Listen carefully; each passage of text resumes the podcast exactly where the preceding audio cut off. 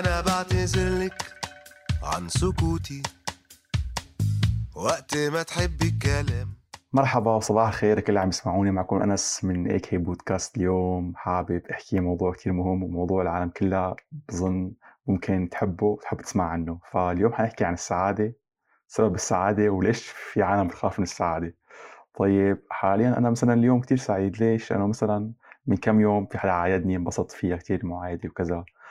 بس بعدين ممكن الواحد يعني بعد كم يوم يحس إنه آه طيب هذاك اليوم كان جميل وحلو كتير وبعدين اجى بعده أيام عادية. فإنه صار الواحد يخاف من الأيام الجميلة لإنه هي شو رح تعمل؟ حتخلق بعدها فجوة إنه الواحد ما يحس بنفس الشعور بعد ما يمرق هذا اليوم. فأنا حابب بما إنه أنا مرت بهالتجربة كذا مرة يعني إنه خلص مثلا أحيانا بيمرق يوم كثير واحد فيه سعيد وكثير في واحد مبسوط وبعده فجأة بتلاقي اجى أيام إنه عادية. what ليش هيك صار؟ شو هال ال ups and downs هي اللي صارت فجأة. فإنه حابب أحكي عن الموضوع وحابب وبعرف كثير عالم كانت تأثر بهالشيء ف السعادة هي لحظة وهي تقدير هي اللحظة. يعني ممكن تكون مثلا السعادة مرقت معك بالحياة بس أنت ما اعطيتها انتباه ما اعطيتها أهمية.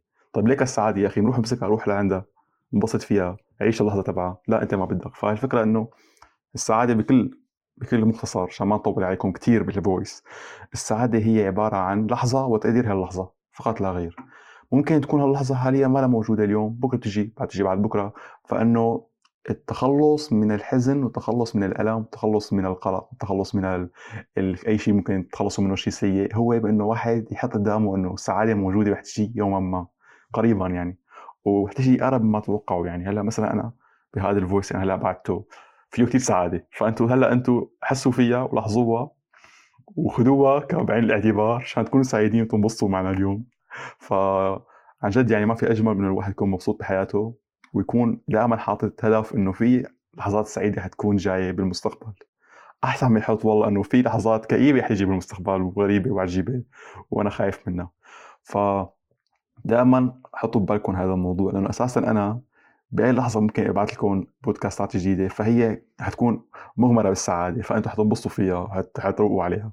فهي وحدة منها. فإنه في هلأ حابب أحكي عن موضوع ثاني اللي هو بالأخير اللي هو أساسا حكيت عنه من شوي بس حابب بس عنه أكثر هو آه، بسموه بالإنجليزي تشيروفوبيا هو آه، الخوف من السعادة. ففي غنية معمولة بس اسم هذا هذا هي الفوبيا نفس الاسم تبعها معمول منها غنية. هذا كمان حبعث لكم إياها تسمعوها.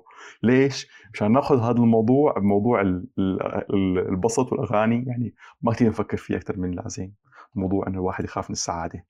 ما هو أساسا يعني السعادة لازم الواحد يحبها مو يخاف منها. لأنه هي اللي بتغير حياته تعطيه أدرينالين تخليه يحس بمشاعر غريبة عجيبة تخلي عنده ال... يعني قلبه يفرفح.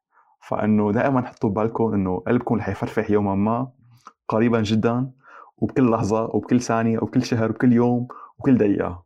وشكرا كثير عم تسمعوني. طولت عليكم حكيت مواضيع غريبة اليوم وكان سريع كثير بس إنه هي هي كل القصة. دائما خليكم سعيدين دائما حطوا ابتسامه على وجوهكم دائما تضحكوا لأنه الحياة من دون سعادة لا تسوى شيء ومن دون ما واحد يقيم اللحظة. قيموا اللحظة يا جماعة وباي باي. جيروفوبيا. ونقص حد في الاهتمام. وإن